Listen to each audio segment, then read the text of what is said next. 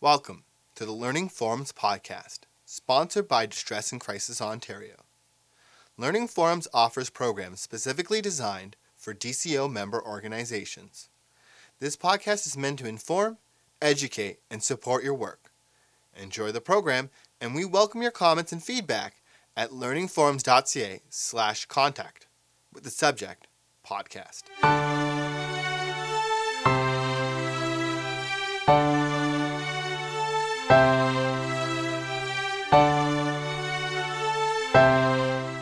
Good afternoon. My name is Mike Neuts. I'm the founder and chairperson of a nonprofit charitable organization, Make Children Better Now Children's Association, dedicated to the lives of children, specifically because of the behavior called bullying. I shouldn't be here. The uh, organization PrevNet, which studies behavior in children, how can we really stop bullying was their question. And their answer was it's all about relationships. And I want you to keep that in mind as I walk through this presentation this afternoon. If I could have a show of hands, how many of you here have been a victim of bullying sometime in your life? Almost everyone. Uh, how many of you have uh, contributed to the uh, issue of bullying by standing and watching a bully picking on a victim, becoming a bystander sometime in your life? And last but not least, I shouldn't ask this question. Please don't raise your hands. Don't want to center anyone out. How many of us have been a bully? How many of us have been all three? It's a societal problem. Is it just a child problem? Is it an adult problem? My answer is yes, for a long, long time. In our country, a child is being bullied every 20 seconds. You do that math and understand what we're dealing with. In, in the reality of today's world, we all know a bully and we all know a victim, and it's been going on forever. If we really want to try and have a more peaceful world, we simply have to stop bullying first and not let it be called boys being boys and kids being kids and they're just fooling around. It is not that. And you that answer the phones will hear that from the victims. So I'm like anyone else in life. When I was younger, I wanted to grow up, get a job, make money, have an account, buy a home, get married, have children. And I was living that dream until February 6, 1998, when the school called home, said one of my boys was choking, and my 10 year old son never came home again. He was found hanging on a coat hook. For all intents and purposes, he died right there at the school. He lived for another six days thanks to the doctors here in this community of London, but we had to unplug him and he died. There was a police investigation that lasted 14 months. They still have not closed the case. There was media scrutiny like you wouldn't believe, and there was a lack of answers. We went to a coroner's inquest where you cannot assign blame. The verdict out of the coroner's inquest was undetermined. At the end of the day, the police still believe something bad happened to Myles. I believe it was bullying. And so my new dream is to help eradicate that behavior and to try and give every young person a chance to fun, friends, education, recreation, health, and well being. And uh, our nonprofit is an association, not a foundation, so thereby we are allowed to have membership and we uh, do an awful lot of work coast to coast to coast in this country.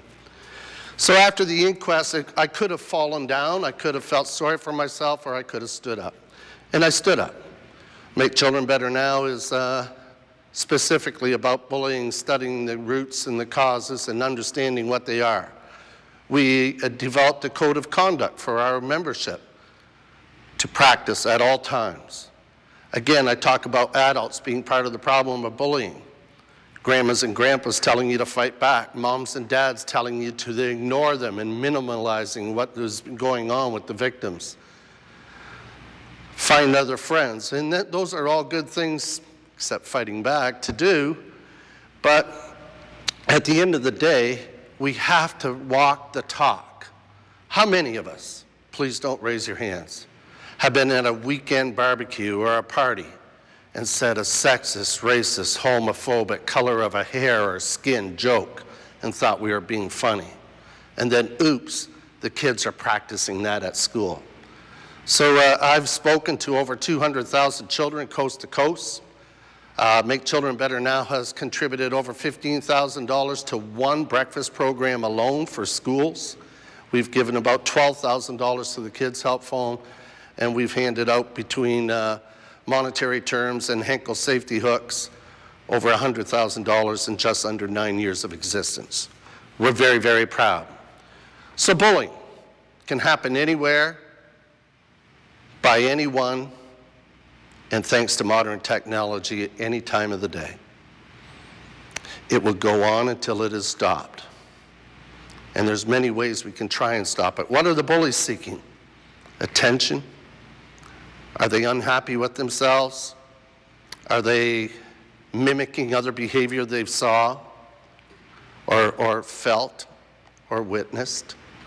Are they bystanders helping the bully? Absolutely. Are they giving the embarrassment and the shame to the victims? Absolutely. So all those get thrown into the, the washing machine, and you have victims who you can listen to at the call centers, and you will hear it in their voice. You might even hear from bystanders who are believing they're losing their loss of identity and they don't have the courage to stand up and say, Stop. And you might even hear from bullies who are also knowing that their behavior should not be how they are behaving. The funny thing is, is that we've, we've all been there and it's been going on for years, but we have to start giving the subject the due diligence it deserves. So when I, when I talk about bullying and I talk about all the feelings that the victims are feeling, I talk about isolation, depression, mental and physical health ramifications, segregation, becoming a, a loner. I talk about uh, suicide. I talk about an awful lot of things that they are struggling with. And it's not just the victims. My son's a very rare case. He actually died because of the actions of the bullies. Hanging on a coat hook comes right out of the movie Home Alone, where the little boy was hung on a coat hook. He lived, my son died. I don't believe two boys went to school to deliberately harm or kill my son. I believe they meant to bully him. And we mimic that behavior constantly, day in and day out. And they put him on a coat hook and didn't understand the consequences, and Myles died. So when we talk about all these things and where do, where do we get it, besides us adults and us peers, an awful lot of people at their coffee breaks every day want to suggest it's TV shows, it's the internet, it's Twitter, it's Facebook, it's uh, the rap music, it's the games they're playing, which, if a child is left to his own devices, you can very easily see how that may happen. But I believe if adults take an interest in their children, relationships, and they talk to their children about this is not real, this is entertainment, we don't do this in real life, we can change the world. How many of us in the last few years have watched Two and a Half Men? Raise your hands. If I suggested Charlie was a pig, would you agree? And if I suggested that Alan was, well, he's just Alan, would you agree with that as well? You wouldn't believe how many times I've asked them same questions in schools I ask children, how many of you have heard Charlie ask Alan, Alan, are you gay? And they all giggle, becoming bystanders immediately. And go ask the educators how many times they hear that word, gay, on a schoolyard, even out of the mouths of kindergarten children, and they don't even understand the meaning of the word in today's world. When I was young, gay actually meant being happy. I'm sure that's not the same anymore.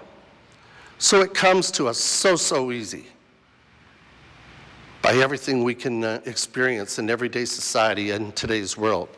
And when I talk about those feelings of the victims, you can transfer them to the bystanders who are also losing their sense of independency, and then you can apply the different words uh, to the bullies who are looking for power, control, and attention in inappropriate ways.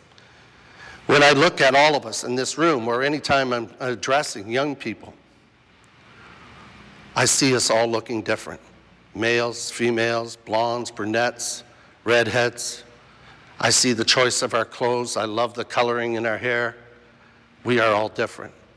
Barbara Coloroso, another young person, I call her young, who describes herself as an expert on bullying, said the one thing that all victims of bullying have in common is that they're different. Isn't that amazing? Close your eyes with me for a minute. Just imagine the world as I'm about to describe. We're all female, there's no guys. We're all the same height, we're all the same weight. We all have the same hair color, the same skin color, the same eye color. We all wear the same clothes, and the clothes are all the same color. Nobody's smarter than us, nobody's not as smart as us. We all think the same. We all wear glasses, we all wear braces. I say that for all the young ones that have been bullied for those two things. We don't go to school on Wednesday morning and ask, What did we do last night? because we all did the same thing. If I was asked you to open your eyes and tell me what the world would be with one word, your word would be boring. So, why is it not okay to be different? Why wouldn't we want to have everyone being different and live in an exciting world and learn and nurture and find out why we are different and what your customs are and your food is and why you want to put a streak in your hair? The world's not boring because we are all different. If I, if I set four apples up here, one was red, one was yellow, one was green, and another one was half green red, they're still all apples. We are all the same. We are all different. Just by being different, some of us are unique. I think that we have to do an awful lot of things to help victims. And when you get a call at, at the call center, Make Children Better Now wants to teach children. We pledge a commitment to the health, well being, education of a, of a young one.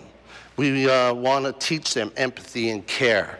We want to teach them love, dignity, respect, peace, hope, and failure. How to learn, how to live, how to love, and how to cope. And that's what you at the call centers have to do. And so when those young people are calling you, you have to listen. You have to pay attention. You have to have empathy.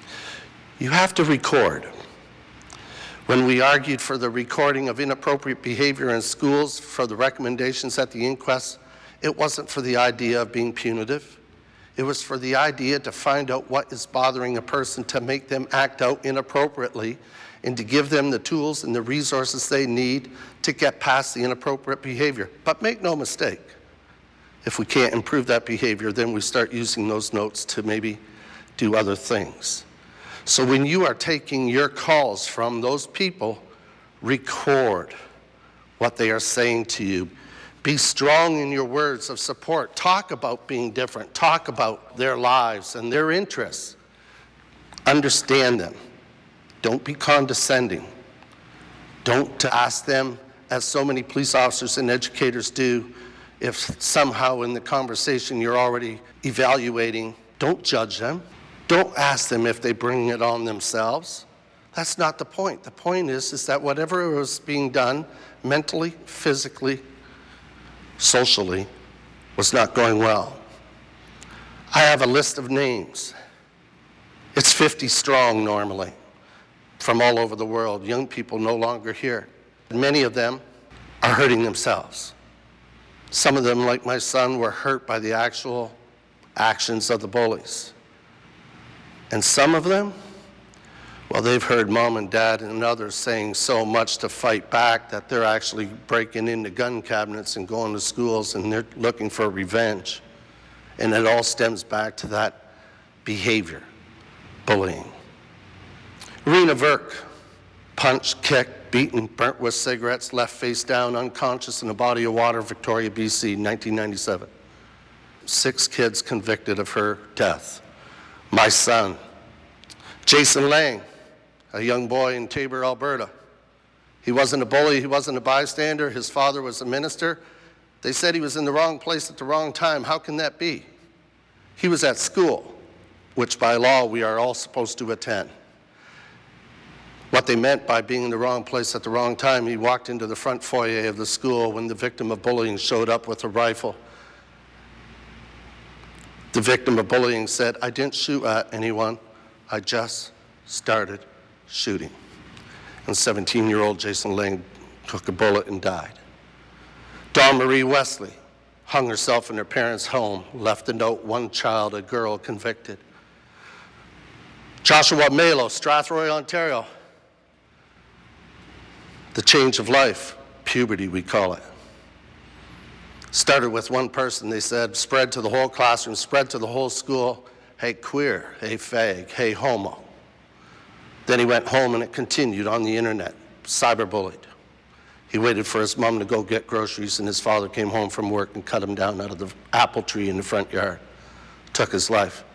Funny thing about that, three days later, Joshua Melo's uh, funeral, there's his girlfriend. Oh, wait a minute. His sexual preference wasn't the same sex. But hey, we were just having fun. Ask the educators how many times they've heard that from bullies. I didn't mean to hurt anyone, I was just having fun. It is not fun. Kids are dying. I could go on with the names. Brandon Deliri from the Oneida First Nation community just down the road. The Indian children called him half breed. The white children called him wagon burner. Took his life. It goes on and on and on. Some of us survive, some of us make it. Some of you had your hands up.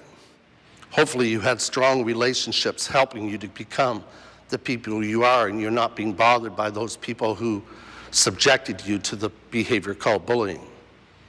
I knew it all too well with the last name Knutson being so small when I was younger, and now I'm much, much different, and I get it from the adults still who think it's just funny to comment on the gray hair and the weight that I now carry. I have to learn to understand that some of them might think they're having fun, and if I can actually correct them without starting an all out argument or war, I will. I travel coast to coast to coast with children all over. I wanted to tell you that your relationship with that person on the phone is crucial. You have to put yourself in their place, you have to understand them, you have to connect, you have to have the relationship and talk good ways to them. When you are doing these calls and you're having these conversations and you're putting yourself in the place of trying to be helpful, remember that you are trying to bring that person through a place that is a little dark for them right now. I said I shouldn't be here because I was enjoying my previous life quite well. I'm still married, which my psychiatrist friends find astounding. I have uh, my youngest son. I have the supports around me to help me, and I get strength from being who I am. That is what you got to facilitate when you answer a call to someone, whether it's a victim a bystander, or a bully. I read a book that I got for Christmas a few years ago. It was by Keith Richards of the Rolling Stones. Good reading, a rock and roller everyone knows. But I come across the page and he talked about when he was young, he lost a young child to sudden infant death syndrome. And when Eric Clapton, his good friend, the guitarist, lost a young boy falling out of a New York City apartment building window, knowing something of what he was going through, he called up Mr. Clapton and just tried to be there. A relationship again for Mr. Clapton. He said, when that happens to you, when you lose a child, everything changes and it haunts you. I stand before you as one of those haunted parents. I belong to the largest club in the world, and none of us want to be there, and that would be parents who lost children. It's not a good thing. And when it happens because of a behavior called bullying, and kids want to say they didn't mean to hurt anyone, it was just having fun, you immediately got to stand up as a person taking a caller and make sure that they understand it was wrong, it was not right let me walk you through this and direct them to where they may get some more help. Your police force. A lot of police officers says there's nothing we can do. You know what? I was intimidated by a police officer in a uniform. They just have to talk sometimes. We have mental health units. We have uh, uh, some of the boys and girls clubs. We have um, some of the other clubs where we can put our children in and get them active and get them uh, uh, building relationships. We have the Kids Help Phone. We have www.bully.org. We have makechildrenbetternow.com. We have to help these young people to survive, to become the adults, the future of this country. Myles wrote a poem less than a year before he died in the same school he died in. The title of the poem was What is Peace?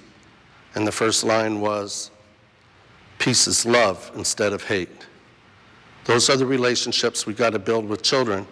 And you, as a caller, they might not want to talk to mom and dad. They're getting the wrong answers. They might not want to talk to the educators. I'm a lightning rod for people all over this country to contact me. And people come to me left, right, and center. I don't have the wherewithal to help them all, but I have about two dozen of them that said they won't commit suicide because they met me. Is bullying homophobia? Is it sexism? Is it racism? Is it being different? Absolutely all the above. We have to be more accepting and more tolerant to all people, and only then will we maybe move past that, that behavior and change this world for the young people that are in it. I want to thank you this afternoon for having me here to talk about this subject. I want to uh, continue talking. and um, if there's any questions, I'd be more than happy to answer them if you want to uh, talk to me. Thank you so much for having me here this afternoon.